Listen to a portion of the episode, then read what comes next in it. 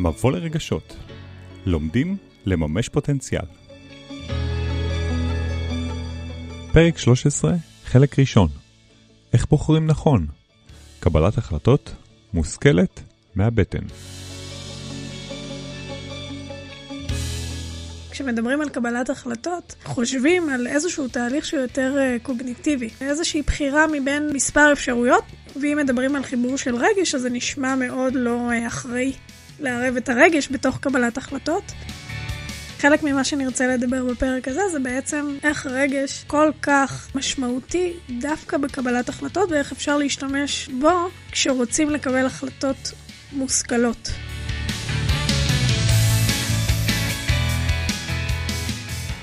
תגידו, מה אתם חושבים או מרגישים על רגשות?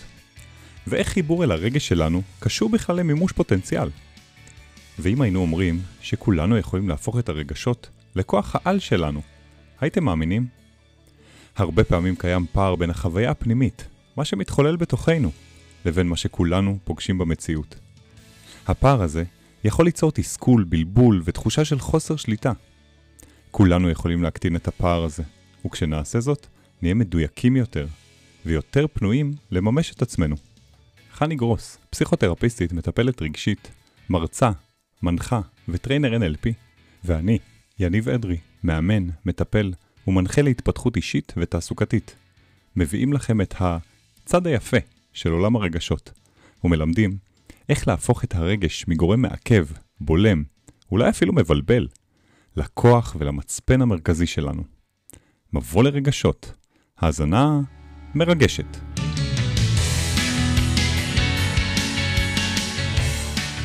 אנחנו הולכים לדבר על uh, קבלת החלטות. וחני, אני חושב שאנחנו נמצאים בתקופה שהרבה אנשים נמצאים בפני כל מיני סוגים של קבלת החלטות, גם בעולם של עבודה, האם לעזוב עבודה, האם לחזור לעבודה שהייתי בה, האם לשלב עסק ועבודה כשכיר, וגם איזה חוגים לבחור לילדים, האם ללמוד או לא ללמוד, האם לשנות את הסגנון תזונה שלי, לעשות דיאטה, לא לעשות דיאטה, להתחיל לעשות ספורט, זאת אומרת המון המון המון המון החלטות שצריך לקבל, במיוחד בתקופות כאלה של תחילת שנה, ואנחנו רוצים רגע למקד את עצמנו בעצמנו ולחשוב איזה החלטות נכון לנו לקבל לגבי עצמנו כדי לבנות את העתיד שלנו בצורה נכונה יותר. אנחנו כל יום מקבלים החלטות בעצם, כל הזמן. כל יום, כל היום מקבלים החלטות. נכון, ואנחנו נסביר פה איך אנחנו מחברים את עולם קבלת ההחלטות שהוא עולם מורכב, ויש כל מיני שיטות וגישות. אנחנו רוצים לחבר את זה לעולם של מימוש עצמי ומימוש פוטנציאל. ואת זה לחבר לעולם הרגש, שאני חושבת שכשמדברים על קבלת החלטות, חושבים על איזשהו תהליך שהוא יותר אה, קוגניטיבי, איזושהי בחירה מבין מספר אפשרויות, ואם מדברים על חיבור של רגש, אז זה נשמע מאוד לא אה, אחראי. לערב את הרגש בתוך קבלת החלטות. חלק ממה שנרצה לדבר בפרק הזה זה בעצם איך רגש כל כך משמעותי דווקא בקבלת החלטות ואיך אפשר להשתמש בו כשרוצים לקבל החלטות מושכלות. זה כלי ש... בעצם פיתחתי בשנים האחרונות, והוא נקרא קבלת החלטות מושכלת מהבטן, שזה נשמע איזה סוג של אה, אוקסימורון כזה. בדיוק, כן. כי איך קבלת החלטות יכולה להיות מושכלת אם היא מגיעה מהבטן. אנחנו מקבלים החלטות מהרגע שבו אנחנו פותחים את העיניים בבוקר, ואז אתה יכול לקבל החלטה באיזה רגל אה, אתה יורד מהמיטה, אה, מה אתה הולך לעשות קודם, מה הולכים ללבוש היום, מה הדבר הראשון שאתה עושה כשאתה מתעורר בבוקר, אחרי שאתה מצחצח שיניים, לפני שאתה מצחצח שיניים, איזה קפה אתה הולך לשתות, איך אתה הולך להעביר את היום, עם מי אתה הולך, זאת אומרת, קבלת החלטות היא מהרגע הראשון שפותחים את העיניים, אפילו ברמת המחשבות. את יודעת, אני שמעתי, בטח גם את שמעת, אה, הרבה הרבה הרבה פעמים מהרבה הרבה הרבה אנשים. שהם לא טובים בלקבל החלטות. יש משהו בקבלת החלטות ש, שלפעמים מבריח אותנו ממנו, שלפעמים גורם לנו לדחות את הדבר, לא לרצות להיות שם, בטח ובטח כשמדובר על החלטות מורכבות יותר, שאין לנו כל כך את התשובה. אין לנו את התשובה מיידית. כן. אם יש את התשובה מיידית אז זה יותר קל. אבל אני חושב שבימים האלו הנושא של קבלת החלטות אפילו עוד יותר רלוונטי ועוד יותר חשוב כי בעצם קצב החיים עולה, הכל, הכל ככה קורה יותר מהר וצריך לקבל יותר החלטות בזמן קצר. אני חושב שגם יש הרבה מאוד שפע, זאת אומרת יש הרבה ממה לבחור. מספיק שאני הולך בסופר ואני רוצה לקנות רק איזה יוגורט, אני מול בית ספר לקבלת החלטות, כי יש אין סוף של מבחר, וגם כמובן שאנחנו מחברים את זה למקום של לממש את עצמנו, ואנחנו רוצים בעצם להחליט טוב על עצמנו. מה כדאי לי לעשות, מה כדאי לי ללמוד, האם uh, להישאר בעבודה, לא להישאר בעבודה. מלא מלא מלא החלטות שקורות ממש כל יום, ובתחושה שלי, חני, זה נהיה אפילו עוד יותר רלוונטי ועוד יותר אקוטי בימים האלה. יש איזשהו משהו שקורה במוח כשהם, כשהם מקבלים החלטה, כשמתקבלת החלטה.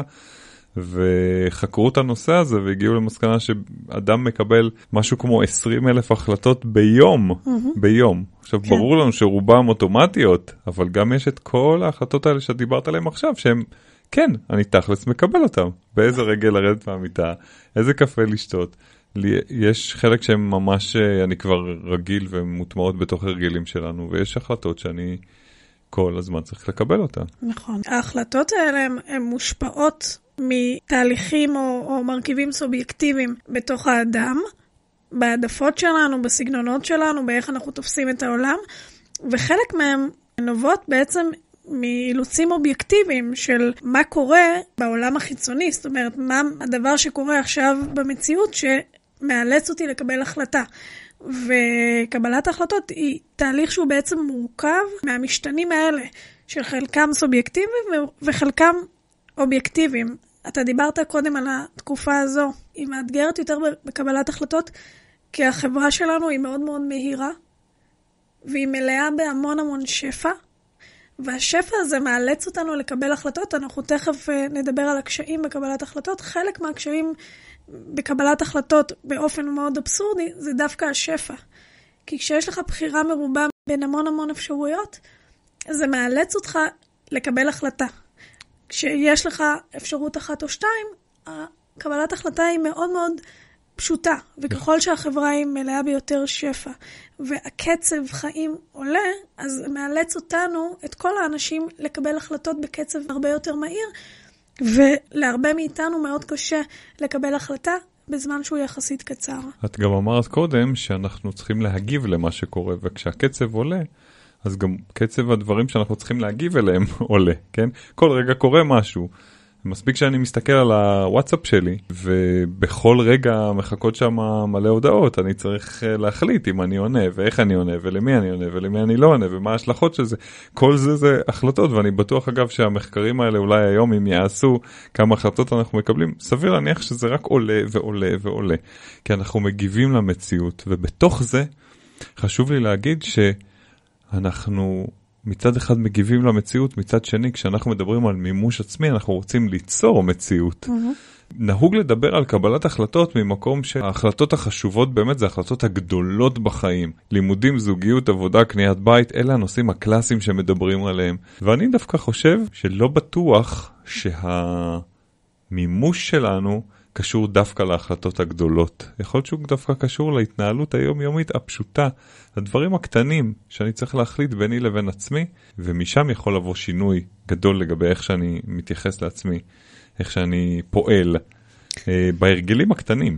בעצם מה שאתה אומר, שסדר פעולות היומיומיות, או מה אני מחליט שעבורי הוא יותר חשוב או יותר דחוף, בדברים הקטנים, זה מה שיכול לעזור לי בעתיד וגם בהווה. לייצר אצלי רווחה נפשית גדולה יותר, אולי מדד של עושר גבוה יותר, ובסופו של דבר מימוש עצמי. אני חושבת שאתה מאוד מאוד צודק, כי ברגע שאני יודעת לעשות לעצמי איזשהו סט ערכים שהוא שוב פעם מבפנים החוצה, ולא מבחוץ פנימה, אז יש איזשהו תהליך שהוא הרבה יותר אה, מחובר למי שאני, ויותר סדור ויותר מותאם למציאות הפנימית שלי, שתתכתב עם המציאות החיצונית. דוגמה, אם יש לי המון המון המון וואטסאפים שאני צריכה לענות עליהם, וליד זה יש איזושהי משימה שאני צריכה לעשות אותה, והיא לא דחופה, אבל היא מאוד חשובה לי, אם אני אענה לדבר הדחוף שנמצא בוואטסאפ, אבל אני אזניח את החשוב, סביר להניח שאני פועלת בניגוד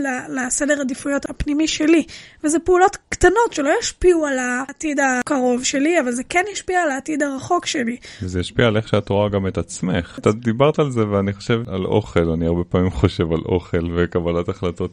מספיק שאני מחליט לאכול יוגורט, 0% שומן נגיד, ו- ולא 3% שומן.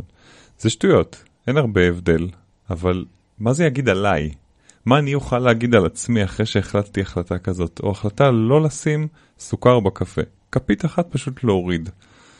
זו החלטה שהיא כביכול היא קטנה, היא יומיומית, mm-hmm. אבל once אני עושה אותה, אני כבר בסטטוס אחר מבחינתי.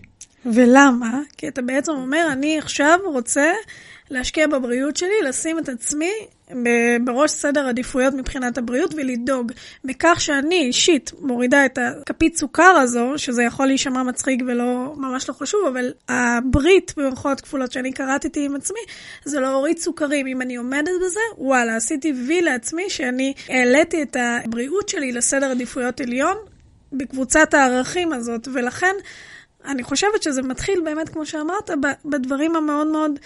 קטנים ופשוטים. זה ליבת הפרק שלנו בעצם בהתעסקות בקבלת החלטות, כי נביא פה גם מודל שאפשר ליישם אותו בכל לבל, גם בלבלים הגדולים, בהחלטה על קנייה גדולה או משהו כזה, אבל זה יכול להיות גם בפרטים הקטנים, ולא סתם חני אומרים שאלוהים נמצא בפרטים הקטנים, זה אומר שגם ההחלטות שלנו, אם הן טובות בכל רגע, ביחסים היומיומיים, באיך לענות, ב- ב- למה לפנות לעצמי זמן ולמה לא, במה לאכול, מה להכניס לפה ומה לא, איך להגיב בכל רגע לסיטואציה שקורית, שם נמצאים הדברים ושם נמצא הדימוי העצמי גם שלי, שאני אוכל אה, גם לשנות אותו, אם נכון. אני מטייב את אופן קבלת ההחלטות שלי. אנחנו פתחנו ואמרנו שלא תמיד קל לקבל החלטה, ושיש גורמים או סיבות שגורמים לנו לקושי בקבלת החלטות, בעצם אפילו הייתי רוצה לשאול מה ההגדרה של קבלת החלטות. אז קודם כל, קבלת החלטות היא תהליך קוגניטיבי של בחירה מבין מספר אפשרויות. זו פעולה שקורית באופן יומיומי, ואנחנו בעצם ניצבים בפני מגוון אפשרויות פעולה, ואנחנו צריכים להחליט איך לפעול. בכל החלטה שלנו אנחנו יודעים שיש איזשהו רווח ויש גם מחיר. ובדרך כלל אנחנו בוחרים באפשרות שבה הרווח הוא הגדול ביותר, וגם ההפסד הוא הקטן ביותר. לפעמים הרווח וההפסד נראים לנו שווים בגודל שלהם, ואצל הרבה אנשים זו גם הסיבה לתחייה של הרבה מההחלטות.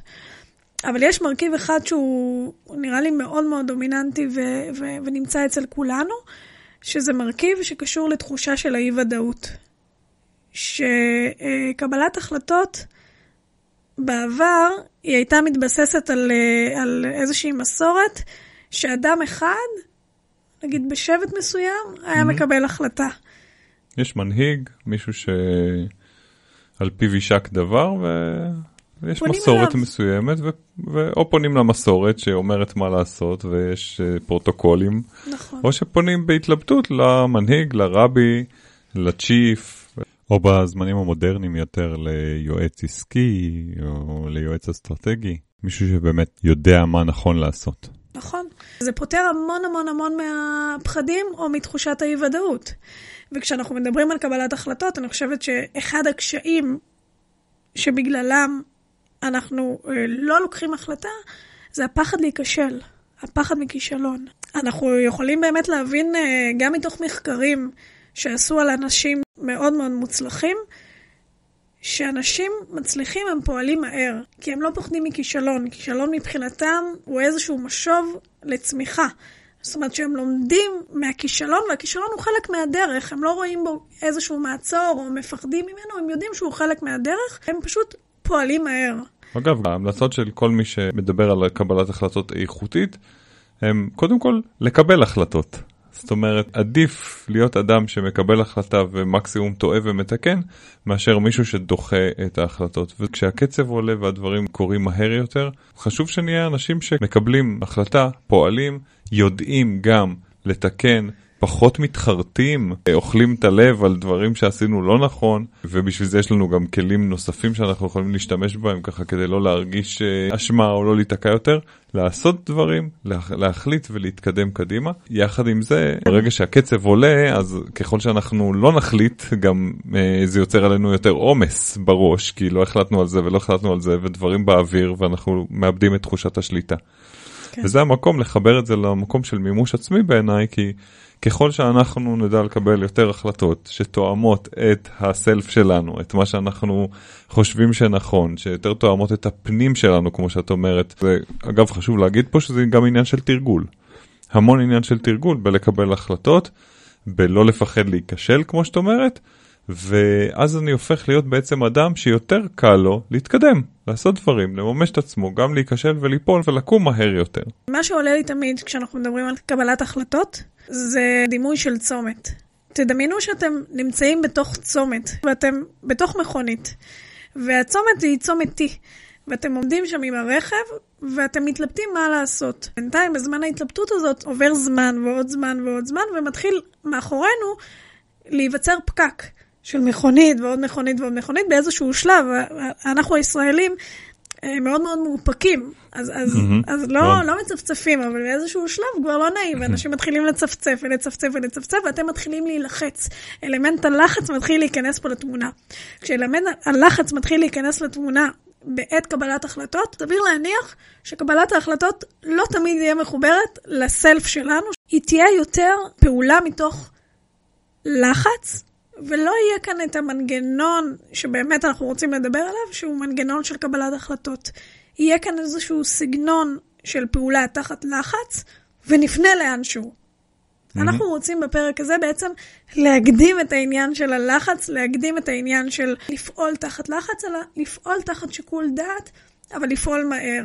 ואם אני לא אצא מהצומת הזאתי, כמות המשאבים האנרגטיים המחשבתיים שאני אבזבז היא כל כך גדולה, כי כל הזמן אני אהיה בראש שלי בתוך הצומת הזאת, והצומת הזאת תפעיל עליי לחץ, ואני אצא כל כך עייפה מתוך המערבולת מחשבות האלה, והעייפות הזאת היא מאוד מאוד משולה לצפצופים של האנשים שיהיו מאחורה, כי בסופו של דבר אני אתייאש ואני אהיה עייפה ואני אפנה או ימינה או שמאלה או ישר, זה לא יהיה חשוב לי, רק לצאת מהצומת. ולכן, אני רוצה להגיד כאן שני דברים. אחד, לכולנו יש איזשהו סגנון קבלת החלטות טבעי שקל לנו להיות בו. הוא לא בטוח המתאים ביותר לנו. מה הכוונה? יש כאלה שמחליטים ופועלים מהר, יש כאלה שמחכים לרגע האחרון, יש כאלה שדוחים אה, כל החלטה באמת מפחד, אה, מפחד להיכשל. יש כאלה ש... אה, אה, מחליטים לעשות ההפך מכולם, רק כדי להיות שונים. יש כאלה שמחפשים את הפשרה, שרוצים, כדי להשביע את הרצון של כולם, אז להגיע לפס, לפשרה. יש שמהססים, יש המון אפשרויות של סגנונות בקבלת החלטות, ואני חושבת שהדברים האלה מאוד קשורים למאפייני אישיות שלנו, ואנחנו צריכים לבדוק מה הסגנון אחד אחד, אנחנו צריכים לבדוק מה הנטייה הטבעית שלנו, ושתיים, מה מתאים לנו עכשיו ואיך אנחנו יכולים לחבר את העצמי לתוך הדבר הזה ולייעל את קבלת ההחלטות שלנו. אז דיברנו בעצם על הקשיים בקבלת החלטות, ודיברנו על העידן המודרני קודם, ואני חושבת שעוד קושי בקבלת החלטה קשור לבלבול והצפה, שיש המון המון המון מידע שאנחנו חשופים אליו, והוא מגיע אלינו בכמויות uh, מאוד מאוד גדולות, הוא יכול לגרום להצפה ולבלבול. כי לא תמיד יש לנו איזשהו מנגנון פנימי חזק שעליו אנחנו יכולים להתבסס בשביל לבחור מתוך ההצפה הזאת.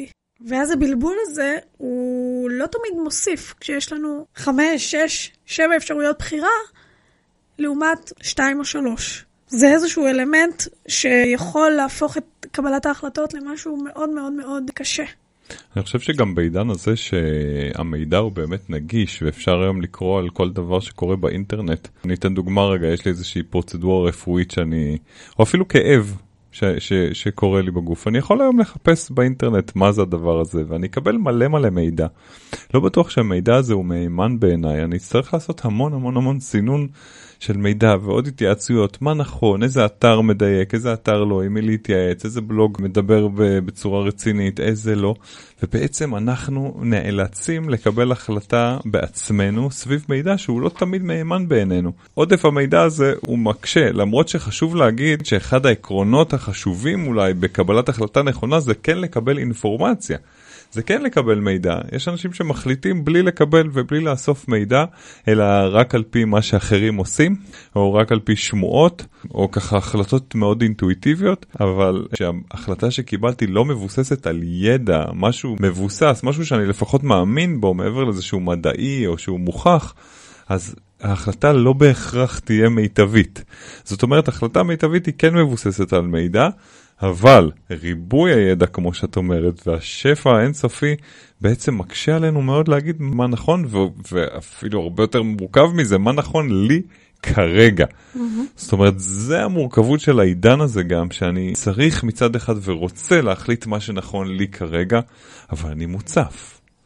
אני מוצף באינפורמציה, אני מוצף באפשרויות, והאלמנט הזה של סטרס או לחץ שכבר ציינת אותו קודם, הוא עוד משהו שלא מקל עליי את ההחלטה. כי אם אני בצומת וצופרים לי, אז אני אומר, רבאק, אני רק חייב להשתחרר כבר מהצומת הזאת, להשתחרר מהמצב, ואז אין שם בעצם את השליטה שלי. בלאן אני רציתי לפנות. עכשיו הצומת זה דוגמה מאוד סימבולית. אנחנו כל רגע בחיים נמצאים כל רגע בצומת. אנחנו צריכים להחליט לאן תהיה הפנייה. בנוסף, דיברנו על סטרס, אבל גם עייפות, תשישות, וגם באמת המקום הזה שאנחנו חוששים מחוסר הוודאות. אם אני לא יודע מה יהיה, איך לקבל החלטה, mm-hmm. על פי מה. ואז קורים כל מיני דברים. למשל, אם דיברת על סגנונות בקבלת החלטות, אז שאני אתן למישהו אחר להחליט בשבילי, או שאני אדחה באמת את ההחלטה.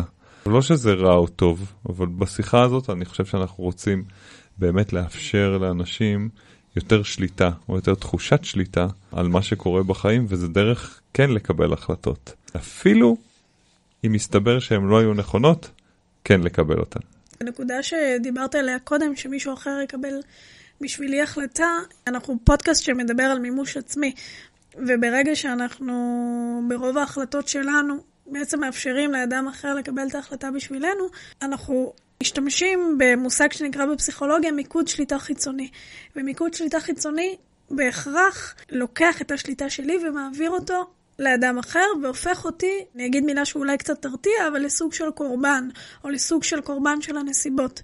ולכן אני חושבת שחלק גדול מהסיבה לפרק הזה שאנחנו עושים סביב קבלת החלטות ומימוש עצמי, זה למעשה לקחת את השליטה ולהפוך אותה למיקוד שליטה פנימי.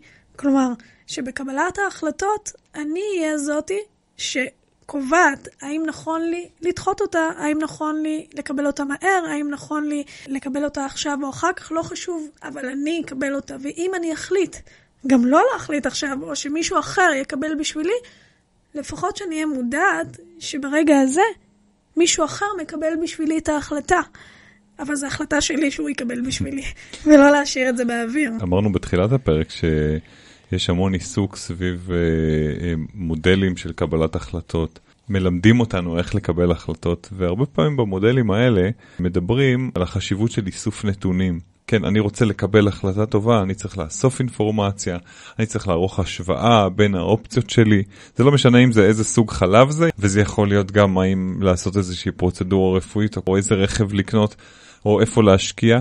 אני צריך לאסוף אינפורמציה, אני צריך להשוות בין החלופות שיש לי, ואז אני צריך לגבש איזושהי חלופה שנראית לי נכונה, ואז לבחור, והמודלים האלה הם מודלים טובים, אני לא יכול להגיד שהם לא טובים, הם מאוד מאוד רציונליים. אבל מה שאנחנו באים להגיד פה בפרק הזה, זה שבכל המודלים האלה שמדברים על קבלת החלטות, יש הנחת יסוד שאדם הוא יצור רציונלי. וחסר פה אלמנט מאוד חשוב, והוא הרגש. הרגש.